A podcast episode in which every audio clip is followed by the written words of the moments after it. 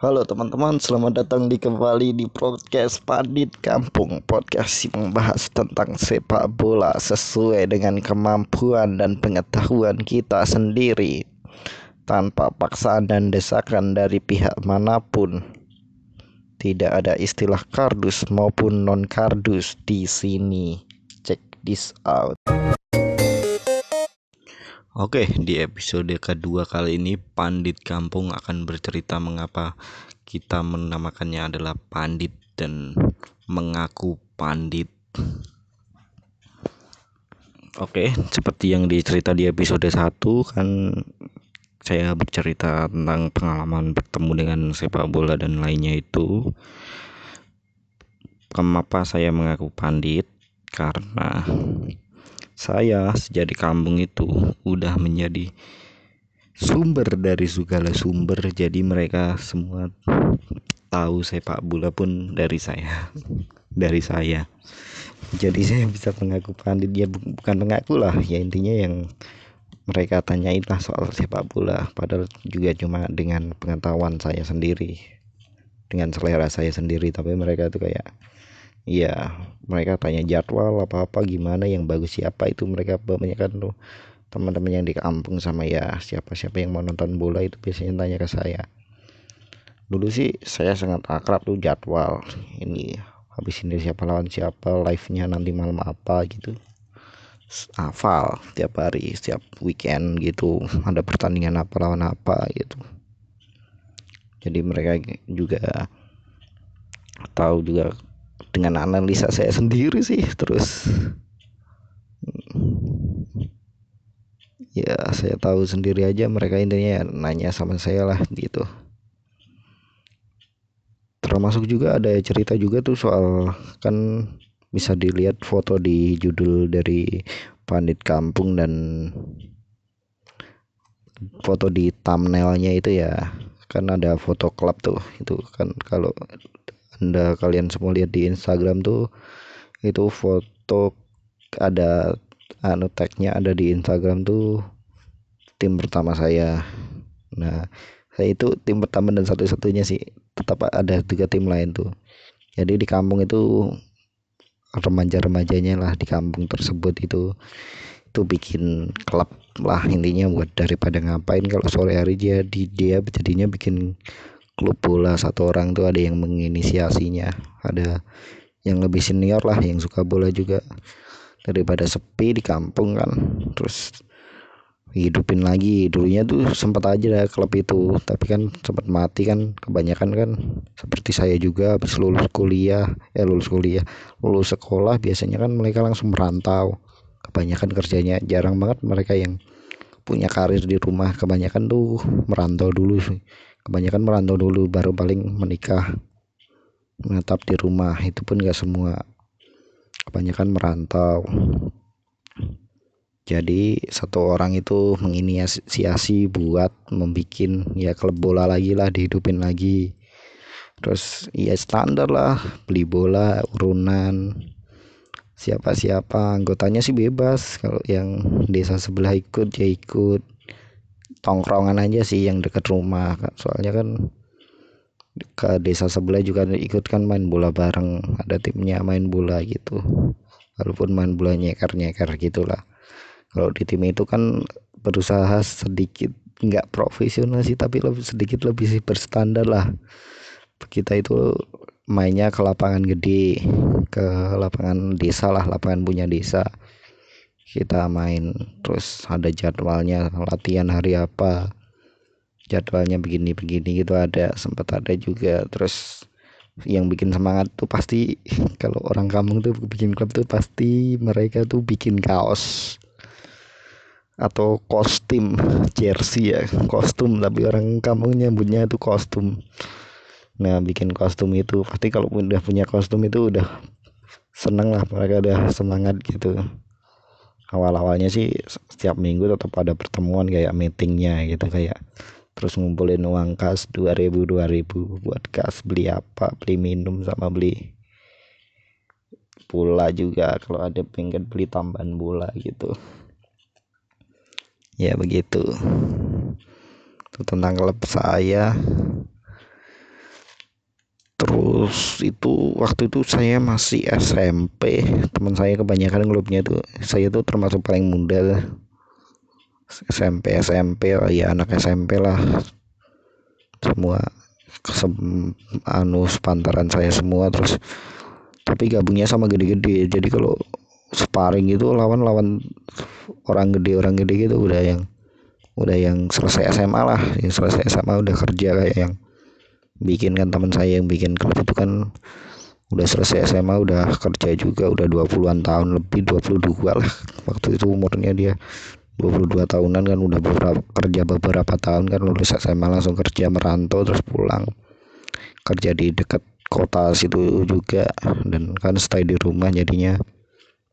Ada waktu luang untuk bikin klub itu kan meran nggak merantau kan terus ya udah menginisiasi beli uh, bikin klub itu.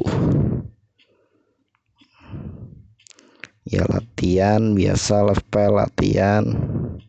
Oh ke saya ya saya waktu SMP terus kebanyakan sih juga ada yang banyak SMA SMA gitu yang jelas kan sebelum kuliah lah kalau kuliah jarang ada yang nggak jarang paling SMA nanti yang kelas 3 aja paling juga udah jarang ikut lah. Itu aja sehingga ceritanya. Terus yang berhubungan pandit aja deh dengan saya. Saya itu mengalami kejadian yang ya bukan tak terduga sih kejadian yang begitulah kejadian enak nggak enak lah. Saya tuh waktu masuk SMK tuh awal itu baru dua minggu lah setelah mos atau ospek. Kalau orang sini ngomongnya setelah ospek itu saya kecelakaan. Kendaraan bermotor saya pakai motor pas berangkat sekolah saya. Jatuh dan dari jatuh itu tangan saya patah. Terus saya terus waktu itu kan klubnya itu juga masih aktif-aktifnya kan. Terus saya udah untuk sementara waktu saya tuh nggak disuruh main aja tapi saya suruh tetap aktif di klub itu selama saya udah pulih tangan saya udah pulih udah nggak saya gendong lagi kan. Yang patah kan kebetulan dua tulang tangan kiri kayak saya itu yang di lengan lah. Lengan ya bener hands ya itu yang tulangnya dua itu kan patah. Terus dua bulan setelah pulih itu ya udah pulih lah udah nggak diperban udah nggak apa. Udah bisa naik motor lah pelan-pelan apa apa sendiri. Terus selama mengikuti klub itu tuh selama tangan saya masih belum berani lah main bola tuh. Soalnya kan nggak canggih gitu. Saya dulu coba pakai BPJS tuh alhamdulillah coba pakai pen itu. Pennya masih sekarang sampai sekarang juga masih ada. Belum dibuka karena saya takut. Dah nah mulai dah berhubungan dengan bukan pandit sih. Saya tuh jadi coachingnya mereka. Kalau ada pertandingan kan kita kan tim cuma tim biasa. Kalau biasanya sih dijadwalin hari apa gitu. Biasanya kan di di grup lah. Apa di SMS-in satu-satu gitu. SMS sih waktu itu masih SMS hari ini bisa main gak bisa main gak atau kan gampang gampang kumpul tuh di kampung sama kadang seminggu dua kali kalau pas lagi rajin-rajin ada lawan itu bisa kali seminggu tiga kali sparring itu. Sempat tiga hari itu tiga pertandingan cuy. Gimana? Main biasa sih tempat main biasa tempat sparring tuh main bola itu ini sama kampung ini nama klubnya ini. Nggak ada taruhan apa apa cuma sparring partner gitulah yang penting tapi mainnya tetap otot-ototan sih biasa orang kampung. Nggak peduli nggak itu apa otot-ototan kadang ada keras-kerasnya dikit. Oke okay lah.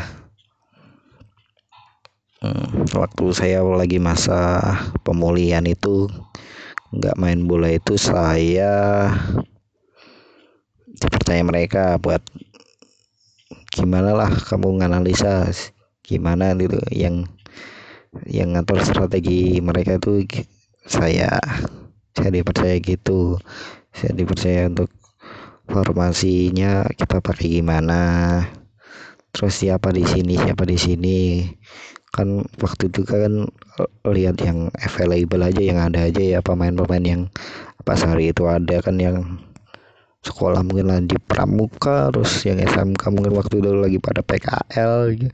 Jadi ada aja biasanya itu kalau masalah pemain sih ditunjuk satu-satu. Saya itu secara pemain di lapangan saya atur teknisnya aja nih. Dia main di sini dia di sini dia di sini gitu aja. Terus nah, seumpama ada yang keteteran saya ubah apa itu ubah posisinya aja. Sini kamu bantu ke belakang sini ini biar ke tengah gitu. Sesuai dengan proporsi aja jadi begitu. Tadi dari dulu tuh saya ya udah kayak coaching gitu lah. Teman-teman saya juga udah tahu kalau itu. Jadi begitulah cerita saya mengapa bisa bisa saya mengaku pandit tuh. Karena saya dulu di kampung tuh emang menjadi sumber dari segala sumber tentang sepak bola kalau ada pertandingan bola pada nanya saya kalau nanya pemain bagus itu siapa yang mana klub apa itu semuanya pada nanya saya Pak D Pak D. Ya kayak bapak-bapak gitulah. Ya intinya identiknya kalau saya itu bola gitu loh ya di kampung tuh gitu jadi pandit. Walaupun main saya kalau main bola nggak jago makanya saya disuruh coach jadi coach coach saja. Ya udah buat ngantor-ngantor strategi aja walaupun juga nggak bisa-bisa juga. Begitulah cerita saya untuk menjadi seorang pandit kampung. Oke untuk ini mungkin segmen satu ini nanti kita segmen dua membahas pembuktian dari pandit ini. Nanti lihat aja deh. Kita kembali ke kita lihat setelah nanti di segmen 2 oke.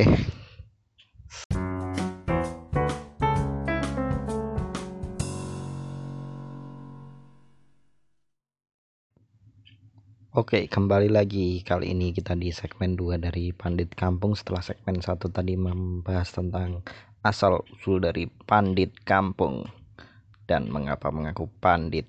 Di segmen kedua gini kita akan melakukan pembuktian dari mengapa kita mengaku pandit atau saya mengaku pandit.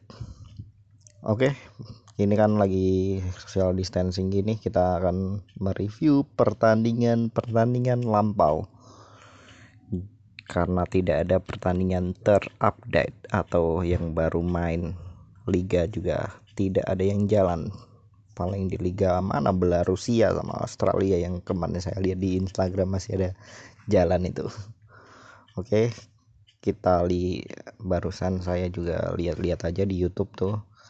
Coba buka deh kalian teman-teman semua ada ke YouTube-nya FIFA itu banyak melakukan atau mengupload video full match pertandingan Piala Dunia yang lampau itu. 2018 ada 4 eh ya 18 di Rusia 14 terus 2006 aja pas pertandingan final antara Italia lawan Prancis pun di upload juga sama si FIFA itu full match-nya.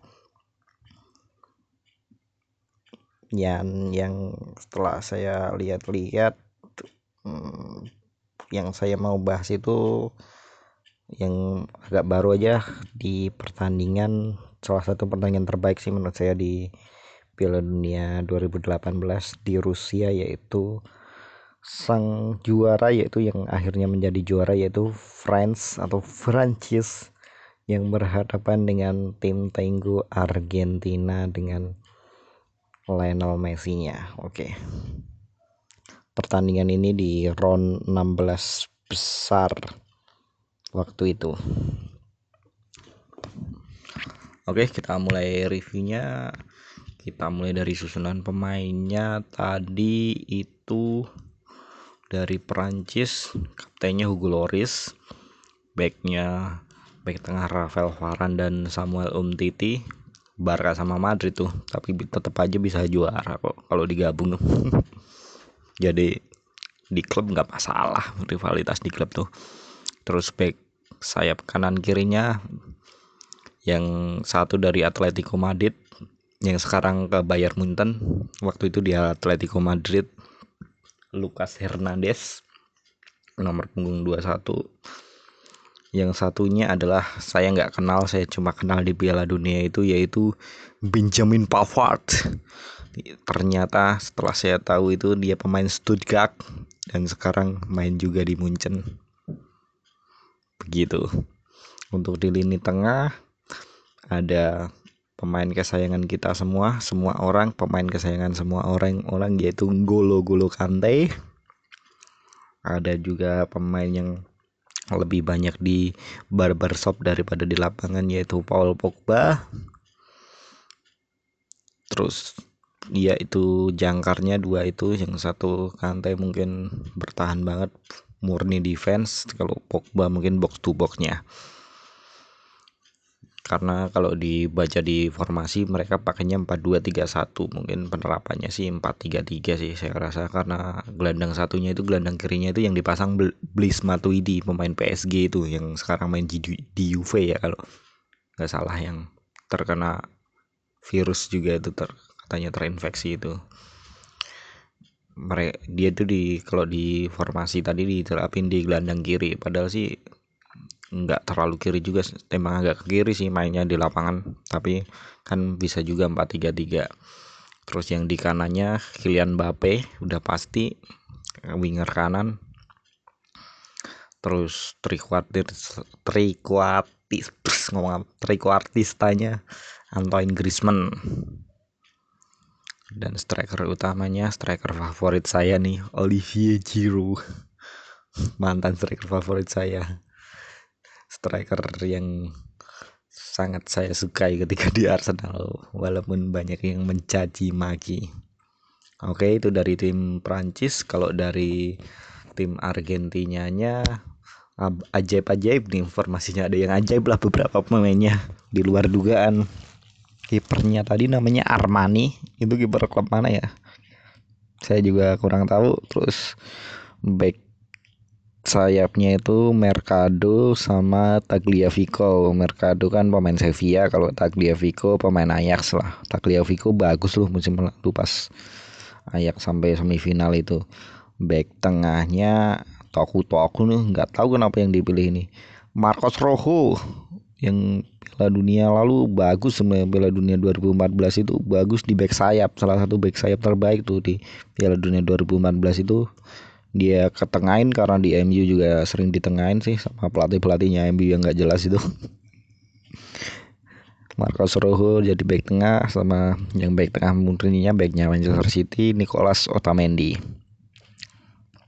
nggak ada perbedaan sih. Mungkin di cadangan tadi siapa ya back tengah yang available? Kalau dulu sih 2014 tuh saya ingat banget tuh Ezequiel Garay back tengahnya. Back tengahnya yang bagus sampai tuh di suatu pertandingan inget sampai sepatunya copot pas final apa apa gitu saya nonton sepatunya copot dia tuh Ezequiel Garay itu. Sekarang pemain Valencia yang katanya terkena pandemi juga terkena terinfeksi virus corona juga. Kita doain bersama-sama lah supaya cepat pulih semua yang terkena virus corona. Nggak ada nggak cuma sepak bola tapi juga seluruh dunia supaya kita bisa aktivitas lagi. Soalnya sangat mengganggu sekali. Bukan mengganggu sih kita harus hadapin bareng-bareng. Ikutin pemerintah. Mungkin pemerintah juga banyak salahnya. Ininya begitulah. Kita diam di rumah eh nggak diam sih saya juga masih kerja kerja juga di luar. Ya hati-hatilah sebaik mungkin. Jaga jarak jaga kesehatan juga kebersihan itu aja. Oke lanjutlah. Ke backnya tadi udah lengkap Marco, Marcos Rojo sama Nicolas Otamendi back tengah. Back ini back sayapnya Mercado sama Tagliafico pemain tengahnya tadi 4-3-3 Argentina pakainya tadi ya. Itu gelandang pertahannya Javier Mascherano paling pengalaman paling terbaik lah yang dimiliki Argentina di era modern ini 2010 ke atas nih. Mascherano terus pendampingnya dua itu Enzo Perez sama pemain Valencia lupa ah lupa yang satu namanya Enzo Perez. Itu pemain Valencia juga. Yang satu pemain Sevilla itu siapa? Yang nomor 7 lumayan tadi mainnya yang nomor 7 tadi. Oh iya Ever Banega. Sorry sorry Ever Banega yang juga mantan Sevilla juga. Apa sekarang Sevilla ya? Kalau nggak Sevilla Valencia lah. Terus strikernya Angel Di Maria di kiri Messi formasinya di tengah. Nah satu striker ini dari awal Piala Dunia ini udah jadi perbincangan semua itu lah. Soalnya ajaib aja biasanya yang di posisi ini. Di fase grup kita mengenal si fenomenal yang bernama Meza. Nama lengkapnya siapa tadi saya lupa. Ininya Meza pemain dari mana ini? Kalau dari podcast podcast lain kan banyak yang mengira pemain ini adalah pemain yang punya bokepnya pelatih Argentina yaitu San Pauli. Kalau menurut saya sih karena dia pinter ngomong aja sih. Saya kira sih soalnya dia katanya dekat sama Messi sempat dulu katanya Messi terus pengen dia pindah ke Barca kayaknya sih dia humble aja karena dia pinter ngomong pendekatannya bagus lah jadinya dia dipasang terus si Meza itu tapi di pertandingan ini yang dipasang adalah Pavon. Pemain mana ya? Kalau yang bisa kasih tahu di mana lah yang ada tahu Pavon ini pemain mana. Saya juga kurang tahu soalnya. Oke kita mulai aja di babak pertama itu. Permainan overall tuh kalau ball position Argentina yang nguasain.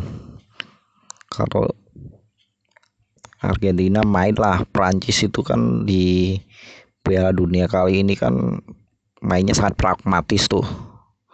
Mereka tuh nggak banyak nguasain bola ada peluang langsung hajar counter counter jadi mereka nggak banyak nguasain bola. Seperti juga di pertandingan tadi baru Bape tuh yang sangat menjadi biang kerok dari back back dan gelandang bertahan Argentina. Soalnya mereka tahu mereka tuh tuir-tuir agak berumur-berumur dan posturnya lumayan tinggi-tinggi. Diajak sprint sama Mbappe kalah semua. Baru tiga menit eh tujuh menit yang tujuh menit aja. Mbappe langsung mencoba menusuk di tackle dari belakang sama si Mascherano. Dapat free kick tuh free kick posisi ideal untuk kaki kiri diambil lah sama Antoine Griezmann. Baru tujuh menit udah free kick eh crossbar challenge langsung pas di pojok. Gawang itu pas di antara letter L dari gawang itu crossbar beneran itu. Pas di pojokan itu mental udah kelar. Ya kalau umumnya sih Argentina itu yang banyak kuasain bola sampailah pada menit ke 13 sampai 14 Messi itu coba tik tak sama di sisi kiri pertanyaan Prancis sama si Pavon itu. Pavon malah lebih dominan ya? Karena ada Messi sih yang bantuin ke sisi kanan dari sayap kanannya Argentina karena Messi kan bergerak dari situ. Dia coba tik tak bola mau dikembalikan ke Messi tapi di intercept sama pemain Prancis membentur kaki Messi bola itu jauh ke tengah dan dikejar sama Kylian Mbappe. Kylian Mbappe itu ya Kylian Mbappe dikejar dia ngejar bola lewat sama back kirinya Tagliafico itu. Tinggal dia sprint sama Marcos Rojo. Marcos Rojo nggak kuat lah udah tua kayak gitu ngejar Kylian Mbappe langsung aja dia tarik. Bukan tarik sih dia pasang lengan dan tangan. Pasang lengan dan tangan tabrak sama kami Kylian Mbappe ya. Badan Bape ke mana-mana udahlah yang jatuh sempat pada diprotes diprotes sih. Tapi nggak ngarah juga itu memang jatuh ya. Menghentikan Bape ya kayak gitu mau gimana lagi? Udahlah penalti yang dieksekusi Antoine Griezmann oke gol gitu aja lah nggak ada spesial spesialnya emang gol aja dieksekusi sama Antoine Griezmann di menit 14 tuh. 1-0 buat Prancis kembali lagi pertandingan seperti biasa Argentina kuasai bola. Mereka kuasai bola muter-muter aja. Nggak dapat peluang berarti malah sempat Prancis saja sesekali bola dari Kante apa Pogba itu ngarah lagi ke Mbappe. Ngarah lagi ke Mbappe bola terobosan itu udah mau masuk kotak penalti di pas tuh di depan kotak penalti di depan garis kotak penalti itu langsung di fall lagi sama si Tagliafico. Ya udahlah. Dia dapat yellow card ada free kick lagi. Yang ngambil si Pogba kali ini kan dari sisi kanan. Bolanya jauh banget anjir. Malah yang habis itu yang di syuting tuh kakak apa kakaknya kakak kakaknya Pogba orang yang mirip Pogba gitu.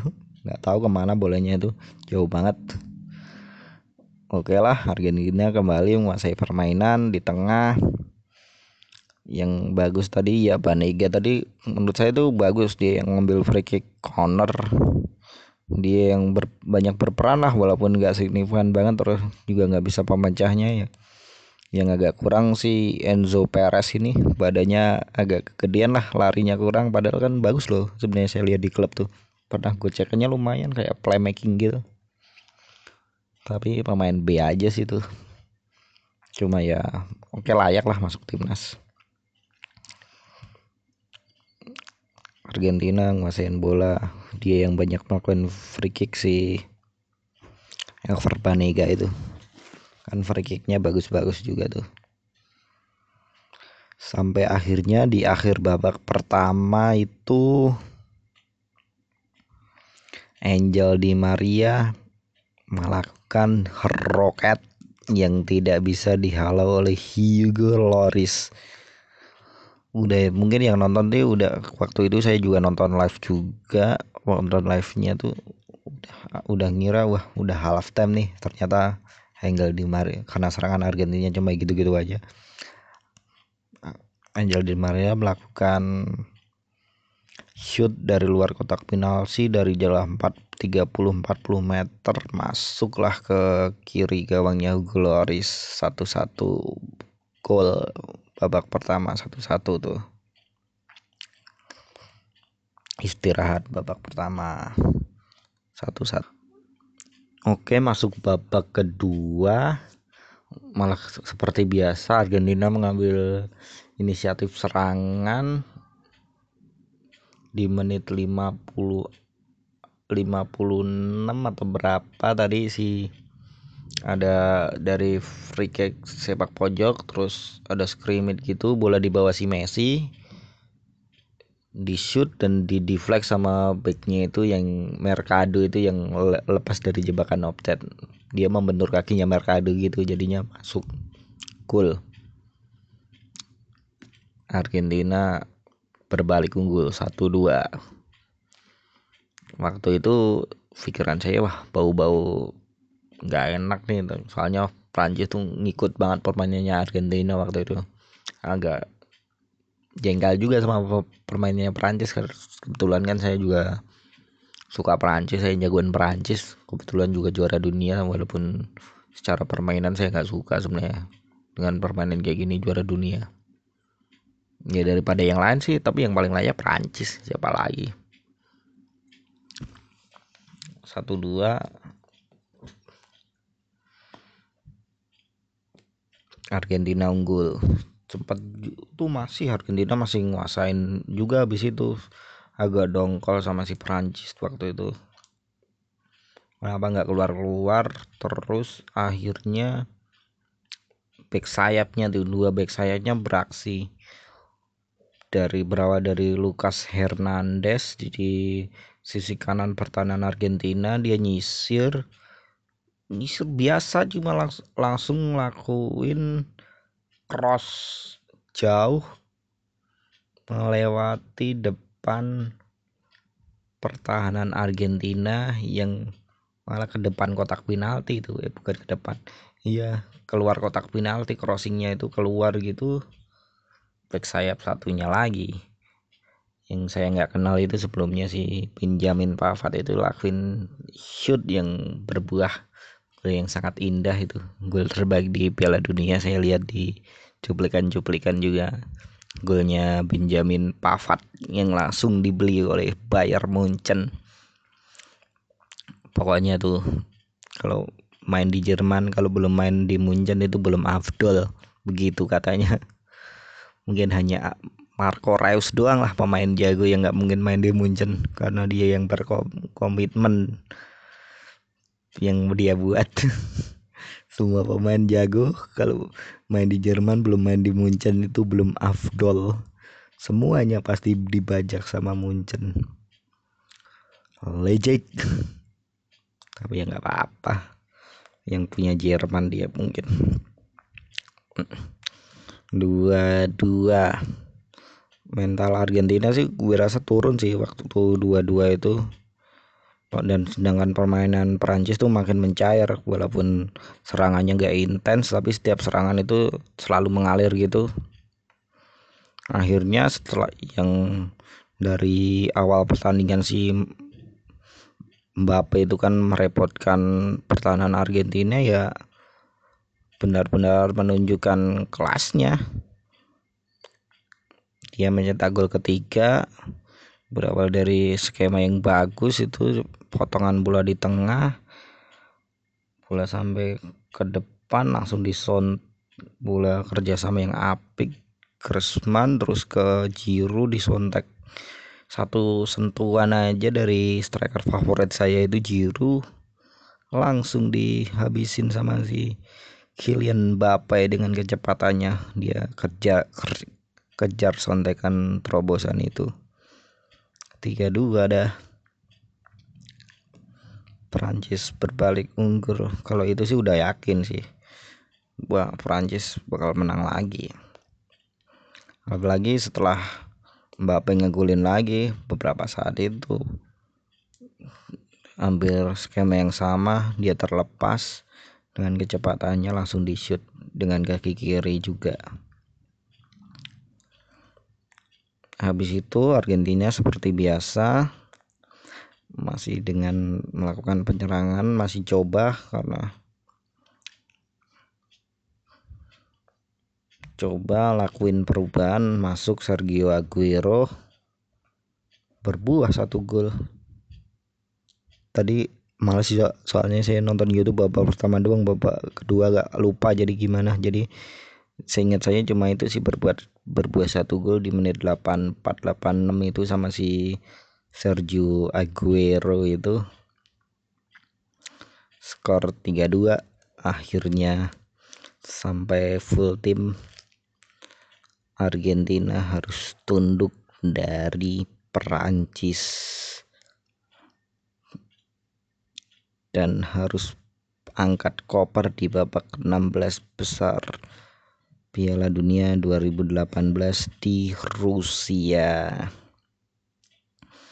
Membuat dewa sih saya pas omongan tongkrongan sih pas waktu sebelum pertandingan itu sebenarnya kan saya nontonnya sama teman-teman kuliah saya di sini. Itu kalau Argentina menang sama Perancis kemungkinan dia juara dunia. Sempat saya ngomong gitu. Yang penting lewatin Perancis ini dulu dia juara dunia. Karena faktor utamanya jersey Messi.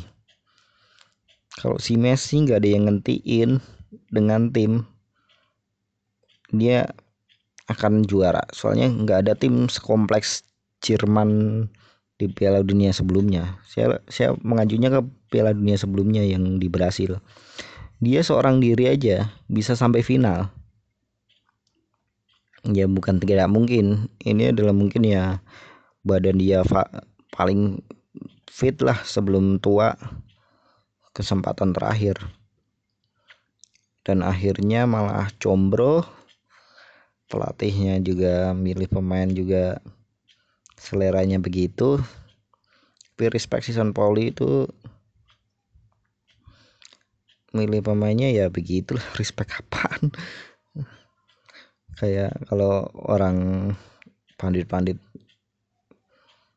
pro sih kayak ada keputusan politis si Meza itu dimainkan Pavon Mercado, Rojo itu kan kalau kata-kata mereka itu nggak nggak layak lah di starting eleven tim sebesar Argentina. Tapi menurut saya ya San Pauli punya pendapatnya masing-masing seperti Meza itu mungkin karena setiap pelatihan dia klop dengan Messi makanya dia selalu dipasang. Walaupun pengalaman tidak berbohong jam terbang tidak berbohong kalau dia pas pertandingan ya hasilnya nauzubillah.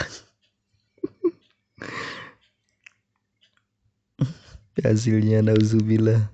Tapi oke okay lah. Argentina pulang kampung 16 besar dan Prancis terus melaju dengan mulus untuk masuk final. Itu termasuk ganjalan beratnya Prancis sih 16 besar.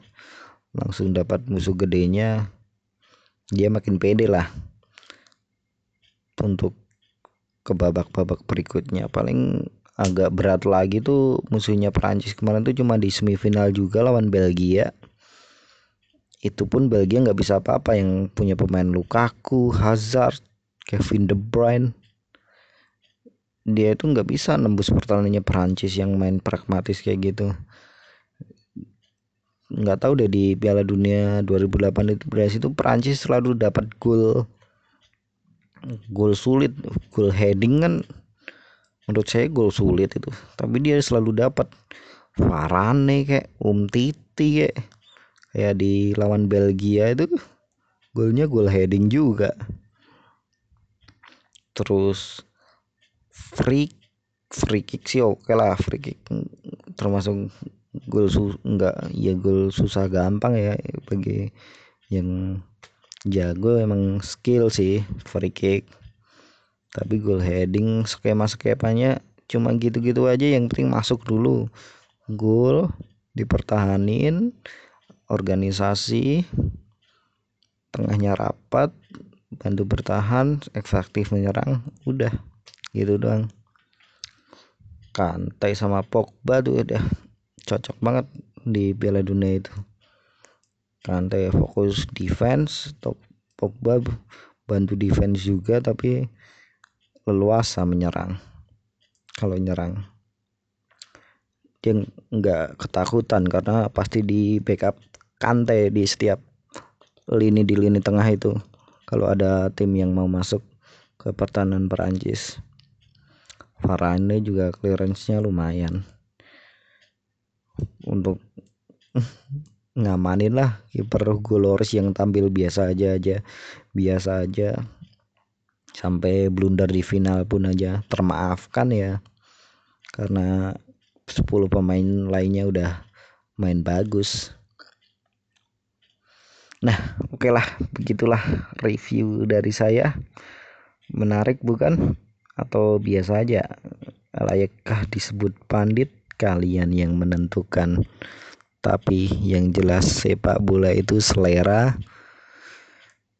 Dan tidak ada paksaan dan desakan dari pihak mana pun. Selera saya sendiri pengetahuan saya sendiri. Sesuai dengan yang ada di depan oke Terima kasih, sampai jumpa di episode selanjutnya. Bye bye.